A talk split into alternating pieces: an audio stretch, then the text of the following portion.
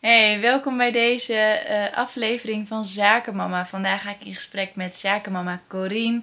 Eh, zij heeft een eigen bedrijf gehad en werkt inmiddels weer in loondienst. En voor mijn verlof sprak ik met haar over alles wat uh, ja, gaande was in haar leven. Hoe eh, het krijgen van een drieling haar carrière heeft veranderd. Hoe haar dromen zijn veranderd en hoe ze al die ballen hoog houdt. Want man, man, man, drie kinderen in één keer. Ik uh, vind het echt knap. Ik heb met open mond naar haar zitten luisteren. Als je deze um, aflevering kijkt via video, dan kan je dat ook uh, terugzien. Dat ik af en toe echt uh, aan haar lippen hang. en anders kan je natuurlijk meeluisteren via podcast. Wie weet dat je dat wel doet. Dankjewel dat je er in ieder geval weer bij bent. En ehm, geniet van dit interview. Hey Corine, welkom. Hallo, dankjewel. Leuk om er te zijn. Ja, wat leuk dat je er bent. Thanks dat je met mij in gesprek wil. Ja. Uh, nou, in deze reeks heb ik natuurlijk gesprekken met ondernemende moeders. En uh, nou ja, als er één ondernemer de topper is uh, en, en ontzettend mama, dan ben jij dat wel. Want jij bent mama van een drieling. Ja. Kun je jezelf even voorstellen aan de mama's, aan de mama's, aan de kijkers die jou niet kennen? Aan de mama's en de kijkers. Uh, ja hoor, ik ben uh, Corine, Corine Tiewes. Ik ben uh, 32 jaar. Ik woon samen met mijn, nou, uit de kluiten gewassen gezin, zullen we maar zeggen, in Haren. Dat is een dorp onder de rook van Groningen. En ja, ik heb een communicatieachtergrond. ik heb op het HBO en op, het, op de universiteit heb communicatie gestudeerd. En eigenlijk vrijwel direct na het studeren mijn onderneming gestart. Dus uh, niet geproefd aan het, uh, aan het dienstverband eigenlijk, los van mijn bijbaantjes uh, in horeca. Maar in ieder geval direct gaan ondernemen als merkstratege en grafisch vormgever. Mm-hmm. Um, in 2018 heb ik mijn kindjes gekregen en eind 2017 ontdekten we dus dat dat er niet één, niet twee, maar drie waren. Geheel spontaan.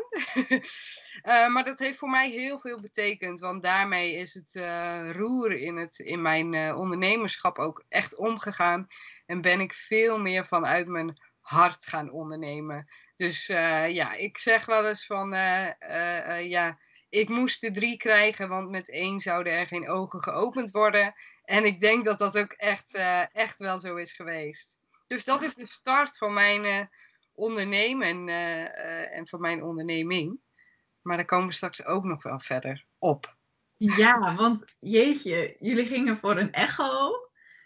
En je had eigenlijk verwacht dat het er één zou zijn. Hoe, wacht, neem me even mee in dat moment. nou, ik was uh, bij, bij bij ongeveer drie weken uh, kregen we de testuitslag positief, zeg maar, op, uh, op het staafje. En ik, al vrij snel had ik dat mijn broeken te strak zaten. En het was mijn eerste zwangerschap, dus ik dacht, nou ja, het, het zal er wel bij horen en niets aan de hand. Uiteindelijk konden we met zeven weken de allereerste echo doen. Dat was uh, twee dagen voor kerst. En we dachten, wat kunnen we de familie straks vertellen? Hopelijk is het iets. En het was iets. Want uh, ik nam plaats op, uh, op de bank bij de echoscopiste en ze zette het apparaat op mijn buik. En eigenlijk vrijwel direct zijn ze, nou het zijn er sowieso twee. En wij keken ook naar het scherm en dat waren twee zwarte gaten. En Ilko en ik, mijn vriend, keken elkaar aan en we dachten, nou, dit hebben we nog nooit uh, gezien. Uh, dus het waren er sowieso twee, want we zagen die knipperende lampjes, hè, de kloppende hartjes. En uh, toen wou ze nog even wat verder kijken, want ze dacht nog een, een derde ruimte te zien. Nou, het zweet brak ons ondertussen uit. Maar ook, ja, we moesten gewoon lachen. En ja hoor, daar was ineens het derde uh, knipperende lampje. Uh, en toen zei ze, het zijn er drie. En toen trok zij bleek weg. En wij uh, moesten lachen. En waren, ja, hè, wat, wat, wat gaat er dan door je hoofd? Ja, verbazing vooral. Um, maar toch ging er bij mij ook wel ergens een knop om. Omdat ik dacht, ja, ze zitten wel in mijn buik. En ik dacht, ik moet het stress reduceren tot een minimum. Ik moet alles doen voor een gezonde groei. Dus ik probeer gewoon uh, relaxed te blijven. En, en, gek genoeg lukte dat ook wel. Ook omdat het door mijn hoofd heen ging. Ilko en ik, die kunnen dit gewoon samen. Weet je, en we zeggen ook wel eens tegen mensen van... Nou, als er een koppel de drieling moest krijgen... Uh, geef hem dan maar aan ons. Wat fijn. Dat is wel echt... Wel. ja, maar dat is ook echt mega knap. Dat je gelijk dat, dat oerinstinct had van... joh, maar dit komt goed. Ja. Ja, het, het, het, komt misschien uh, een beetje pocherig over. Nou, dat weet ik niet. Maar het was gewoon echt zo. Ja. Ik, ik voelde dat en alles zo van, nou ja, dit, uh, dit moet schijnbaar zo zijn. En ook wel met in ons achterhoofd. Uh, hè, kinderen krijgen is niet vanzelfsprekend. We hadden in onze omgeving ook wel vrienden van vrienden meegemaakt. Hè, die wel in allerlei trajecten belanden. En waar het gewoon echt heel moeizaam ging. Ja, en dan krijg jij er ineens drie. Ja. En natuurlijk, hè, het, is, het is risicovol. Maar ik moet eerlijk zeggen dat ik me dat op dat moment ook niet zo realiseerde. Welke risico's daar aan zo'n meerlingzwangerschap eigenlijk allemaal hingen. Ik vind het ook wel een grappig detail dat je vertelt dat de echoscopiste gewoon even een soort van bleek wegtrok. Nou, ik weet nog dat wij, nou, ik denk nog geen vijf à tien minuten daarna stonden wij weer op de stoep. Hè? Dan had je je echo afgerekend met je pinpas, volgens mij voor drie tientjes. En je stond weer op de stoep. En ik, ik, ik ging die dag ook weer aan het werk. Uh, Ilko ging kerstcadeaus inkopen. En uh, ja, gewoon totaal. Het was nog niet echt geland. Dat kwam, dat kwam pas later. Ja, nee, dat snap ik. Ja, en nou ja, toen had je dus dat je dan, ja, jullie gingen allebei je eigen weg. En dan s'avonds kom je dan weer thuis en dan bespreek je dat, denk ik. En uiteindelijk, wat was het moment dat het echt landde? Weet je je dat nog te herinneren? Um...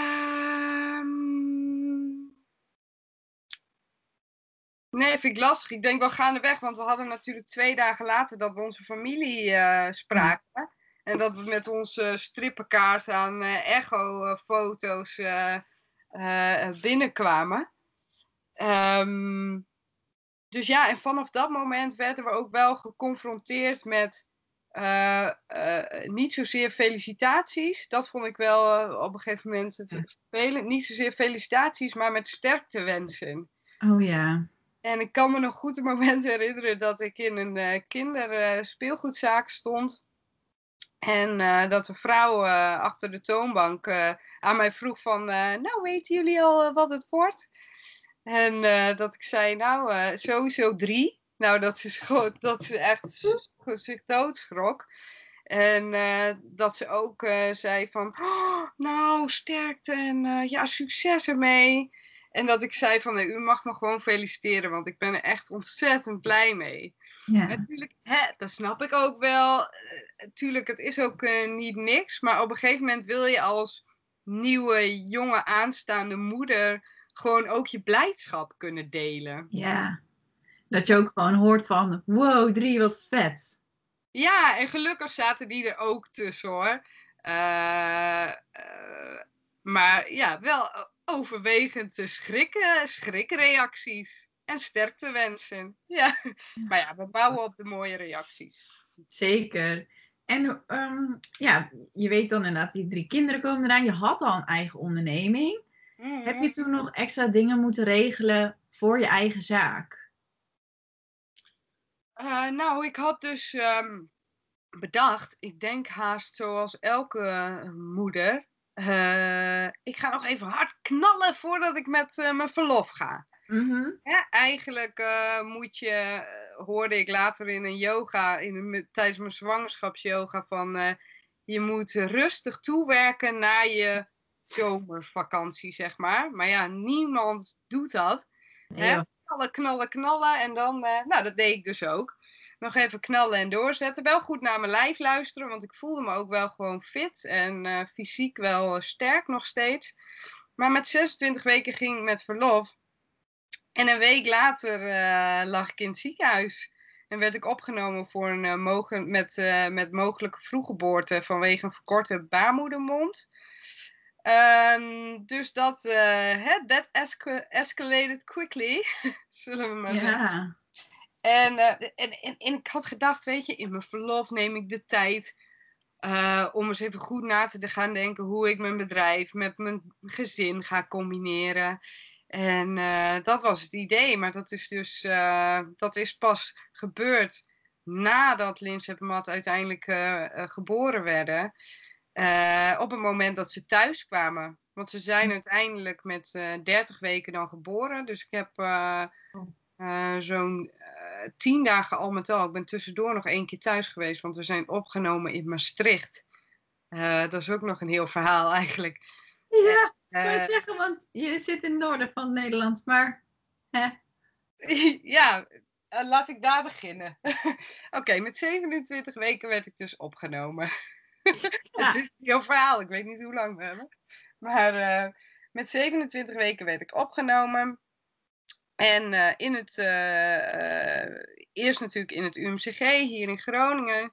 En daar zeiden ze al vrij snel, nou, we hebben hier geen drie couveuse bedden beschikbaar. Oh. En al vrij snel kwamen we erachter dat dat heet beddendruk. Uh, over het hele land eigenlijk het geval was dat er echt weinig couveuse bedden beschikbaar waren. dat betekent dus als je kinderen worden geboren, kunnen ze hier niet blijven. In het ergste geval zeiden ze ook, komen jullie alle vier in een ander ziekenhuis te liggen. En zelfs, dat gaat zelfs over landsgrenzen. Jo. Zou kunnen. Maar al met al had ik heel erg het idee, ik ga nu niet bevallen, het is niet mijn tijd, het komt allemaal wel goed. En echt een soort van drijvende kracht van het, het, het gaat gewoon niet gebeuren. Ik had echt volste vertrouwen. Maar goed, uiteindelijk kwamen we erachter dat de laatste drie bedden stonden in Maastricht. Dus ik ben met de ambulance uh, in drie uur uh, naar Maastricht gesjeest. Uh, wel met, met harde buiken en, en, mm. en, voorweeën. Dus dat was op zich wel spannend. Maar daar uiteindelijk na een aantal dagen weer stabiel geraakt. En dan mocht ik weer terug naar Groningen. En in eerste instantie wilde ik dat helemaal niet. En dacht ik van, uh, ik lig hier prima en met een hoop bombarie opgenomen. Het maakt mij niet uit dat er Maastricht in hun paspoort komt te staan. Maar fijn, ik dacht ook van, uh, het is natuurlijk ook wel een goed teken dat je stabiel uh, bent en dat je gewoon weer terug mag. En nou, met Ilko's werk was dat ook wel makkelijk, dat hij gewoon weer hier kon zijn. Um, dus dat was twee dagen thuis. En eh, ik wist al, nou, dat is even thuis, want dan ga je weer van alles doen. Ja. De, de, de, de kledingkasten gereed maken en alles. Dus, ik, en twee dagen later werd ik weer, weer opgenomen in het, in het UMCG. Daar heb ik nog een paar dagen gelegen. Ik mocht ook niet meer getransporteerd worden vanwege de ontsluiting die ik al had. Oké. Nog een aantal dagen daar volgehouden. En toen op de kop af uh, eh, 30 weken. Uh, eh, 1 juni 2018, toen had ik 8 centimeter en, en kon er een keizersnede gepland worden, gelukkig. Maar nog steeds met de gedachte van um, hè, vlak daarvoor, al die dagen in, in, in, de, in onzekere tijden, van waar gaan ze terechtkomen? Waar gaan we met z'n allen terechtkomen? En gelukkig op die dag waren er drie couveuse bedden in het UMCG beschikbaar. En kon ik dus voor een keizersnede gaan. Want tot een dag voor mijn bevalling was het ook nog niet zeker of ik met een keizersnede zou bevallen. Of dat mijn dochter, ik heb één dochter en twee zoons. Of mijn dochter misschien natuurlijk zou worden geboren en de jongens met een keizersnede. Dus ja, als ik dan nu zo navertel, dan denk ik, wat bizar en wat een hectiek eigenlijk. Maar in het moment ja, heb ik dat alleen maar als vol vertrouwen zat ik daarin. Dat, ja. Heb, je, heb je daar een truc voor? Uh, nou, ik zou bijna willen zeggen nou ja, bijna niet. Het is gewoon iets. Hè, ik denk wel dat het, dat het is maak een goede, blijf een goede connectie met jezelf houden. Uiteindelijk weet jij wat het beste is. En, um, En vertrouw ook op de specialisten om je heen. Ja. Hè? En, en, en ja, het is echt teamwork. Ik ben door deze hele reis ben ik echt een veel betere hulpvrager geworden. Daarvoor was ik iemand die snel zei, uh, ik regel het allemaal zelf en het komt helemaal goed. En hè, ook, als, ook als ondernemer, vooral geen hulp inschakelen. En daarna ook dat is met 180 graden gedraaid. Oh, wat goed om te horen. Ja. Ja, je moet ook wel. Ik bedoel, je hebt maar twee armen, drie kinderen. Ja, ja. Uh... ja, dit is heel veel loslaten inderdaad. Dat is het. Dat is het geheim. Loslaten. De situatie accepteren zoals die komt. Uh, het omarmen. En altijd blijven kijken naar wat je wel kunt doen in plaats van niet. Altijd kijken naar uh, waar heb ik invloed op? Waar kan ik mijn bijdrage leveren? En waar dat niet het geval is, let it go. Mooi. Ik denk dat we daar heel erg van kunnen leren, Corine. Serieus, daar kan ik echt nog wat van leren van jou. Ah, nou maar, ja. Toen had je... Ik moet even een batterij in mijn laptop gaan doen. Doe dat. Niet heel onbelangrijk. Ik had net stiekem ook even mijn tweede scherm aangezet. Ik flitste even, maar dan bleef de, ging de batterij weer aan. Aha. Um, Aangesloten. Nou, toen was je een gezinrijker. Um, en je onderneming bleef in, in je achterhoofd natuurlijk. Ja, in het begin natuurlijk is het totaal niet belangrijk. Maar op een gegeven moment gaat dat weer kriebelen, denk ik. En ga je toch nadenken over van, ja, hoe ga ik dat doen? Um, wat was je eerste stap?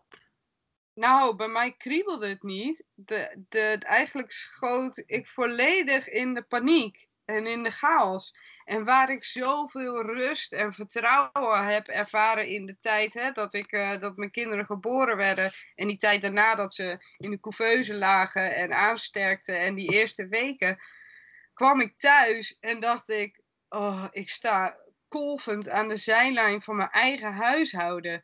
Uh, ik moet zo snel mogelijk financieel weer bijdragen aan dit gezin, want ze hebben me nodig. En uh, ik moet een actieplan en het moet wel nu en het moet wel.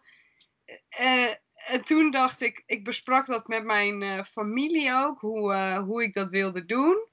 En um, zij zeiden van, nou misschien moet je toch uitkijken naar een dienstverband. En dat was zo'n smaak in de, in de want ik dacht, dat kan ik niet. En ik heb altijd ondernomen en ook succesvol. En daar heb ik toch mijn boterham mee verdiend. Ja. En hoezo nu ineens een dienstverband? En uh, nou, ik, ook daarvan schoot ik, schoot ik in de paniek. En toen dacht ik ook, dat was voor het eerst dat ik dacht, ja, maar nu kun je het niet meer alleen. Nu ga je zoeken naar iemand die je kan helpen. Een extern iemand, een coach. Uh, hè, iemand buiten je, je bekende kringen. En ga daar maar eens mee in gesprek. En dat deed ik via wel een bekende uh, van mijn ouders. Uh, maar ik kende haar niet zo goed. Dus daar ben ik mee in gesprek. Het, het maakt ook helemaal niet uit met wie of wat voor soort. Want ik was wel coachbaar. Ik had gewoon een goede vragen stellen nodig. En dat was zij. Want zij stelde mij de vraag: uh, Corine, waarin kun jij nou het beste ontspannen? Ja. En ik dacht: ontspannen? Wat is dat? Wat is dat? Kolf twee liter melk per dag, uh, drie kinderen, ontspannen, wat is dat? Bovendien, ik kom hier toch voor een actieplan en ik wil met die onderneming aan de slag en hup, pap, pap, pap, pap. en uh, toen dacht ik later uh, ook, kon ik gewoon geen antwoord bedenken op haar vraag dus. Maar later in het gesprek dacht ik, ja, ik weet het. Ik weet wat ontspanning voor mij is. Dat is nagels lakken dat is voor mij als mandelaars kleuren en dat is mijn moment van ontspanning en bezinning en stilte en rust. En toen zei zij, nou, maar is dat niet leuk om daar iets mee te gaan doen? En ik dacht, hè, waar, waar, waar ja. komt dit vandaan? En uh, oh nee hoor, ik zag de, de billboards bij wijze van al aan de kant van de straat staan. Communicatie pro-bord nageltrutje. Nou, dat ga ik echt niet doen. En uh, totdat ik daarna in de auto terug zat en dacht: ja, maar waarom gooi ik daarop nu alle deuren dicht? Ja. Hè? Ga dat nou eens. En daar zijn wij ondernemers of mensen misschien ook wel eens veel te bang voor om iets hypothetisch aan te gaan. Dus ik kroop in de huid van die nagelstylisten en dacht, ja, wat zou me dat kunnen opleveren? Nou, ja, dan spreek ik weer mensen één op één. Want als Ja. grafisch vormgever eh, kan het leven best eh, eenzaam zijn. Dus ik ontmoet mensen, kan met mijn handen bezig zijn, kan nog steeds creatief bezig zijn. En ik dacht, hé, hey, misschien kan ik mijn kennis van branding, van merkstrategie wel combineren met het lakken van nagels. Nou, en toen eh, ontstond het eerste idee voor eh, de nieuwe, eh, de 2.0 versie van mijn eh, onderneming. Dus lang verhaal kort, wat was, het, wat was de eerste stap? Hulp vragen. Ja. Als je het niet bij jezelf kunt zoeken, en ook niet bij je familie dus, vraag hulp. Schroom niet om naar een coach or whatsoever te stappen. Je, je, het is niet erg dat je het niet alleen kan. Nee, en dan is het misschien ook wel goed om een onafhankelijk iemand te hebben, toch? Want ik bedoel, wat, wat je ook wel eens ervaart, is dat als je het met familie erover hebt. Zij zeiden ook gelijk, joh, dienstverband. En dat is logisch, want iemand projecteert zijn eigen angsten op jou. Eh, gaat ook ehm, met hun eigen eh, visie ja, een advies vormen. Dus Ja. dan is het ook lekker als je dan even onafhankelijk kan kletsen. Ja, ja, absoluut. Ja, ja, ja, helemaal waar. Dus dat kon ik ook wel met deze vrouw. Ja, Super fijn. ja. Ja, en toen had je brand, eh, ja, je hebt het volgens mij ook echt brand 2.0 genoemd, toch? Nee, ik heb het toen Brand, Brain en Nails genoemd. Dat was hem. Dus eh, dat hebben mensen misschien nog wel eens eh, voorbij zien komen. Maar het heet nu Sit Back and Polish. Want met brand, en daar komt mijn eh, ehm, eh, kennis van eh, merken bouwen natuurlijk om de hoek kijken. ehm, merkte ik dat ik brand nog aan het uitleggen was als, hè, als merkbureau, maar dan met de combinatie van nagels. Anyway, ik kwam daarmee in de knoei. Ik dacht, ja, dit is niet, en zeker niet ook waar ik nu weer op dit moment sta, want je bent natuurlijk altijd in transitie Zeker. eh, eh, dacht ik gewoon, ja, dat, dat, dat, eh, dat dekt voor mij niet meer de lading. En wat ik wil geven is, en wat ik wil brengen als boodschap is, neem nou eens de tijd, hè, net zoals ik had er een drieling voor nodig, maar neem de tijd eh, en zoek je ruimte op om stil te staan. Om momenten in te bouwen voor bezinning. En dat is wat Sit Back and Polish wil doen. Die wil jou stimuleren om even te verdragen, om stil te gaan staan, om lekker je nagels te lakken en na te denken over hè, waar sta ik eigenlijk en welke kant wil ik op. Ja. Gaaf. Dus, eh, dus dat is een nieuwe insteek en daarmee past, daarbij past de naam Sit Back and Polish gewoon veel beter. Ja, echt, echt heel mooi. Ja, wij, kijk, ik ken jou natuurlijk al langer en ik heb zelfs mijn nagels bij je laten doen toen. eh, Ja, ik weet even niet, was ik toen al zwanger? Nog net niet volgens mij, hè? volgens mij niet. Nee, we hebben het toen er wel over gehad, dat weet ik nog wel. Ik heb je toen Ja. in het proces meegenomen, maar ehm, ja, dat was volgens mij in de zomer. En eh, nou ja, toen was je ook bezig al met je cursus, met je online cursus eh, op te zetten. Ja, klopt. En toen kwam de tweede lockdown. Ja, ja ik weet van gekkigheid niet meer bijna wanneer wat wanneer was. Nee. Maar nee, want in die eerste lockdown, eh, zoals ik dus in elkaar steek, dus hè, ik kan ook heel veel van mezelf en van deze insteek eh, leren. Wat zeggen ze ook? You, you teach what you need to learn yourself the most. Zoiets, ja. Zoiets, in ieder geval. Hè, mijn stand is, ontstaat er dus een crisis, dan is mijn stand heel snel, oké, wat kan ik wel doen? Actie. Eh, niet kijken naar wat er niet allemaal kan, mogelijkheden, oplossingen, gaan, gaan, gaan. Dus toen ben ik die online cursus, ik dacht, wat ik offline niet kan doen, dat doe ik online. En ook daarin, hè, als ik het allemaal over had mogen kunnen doen, was het misschien goed geweest om even te bezinnen, even rust te pakken, te kijken, eh, wat, wat draait er allemaal wel? Wat kan ik allemaal? Wat, wat is nu goed?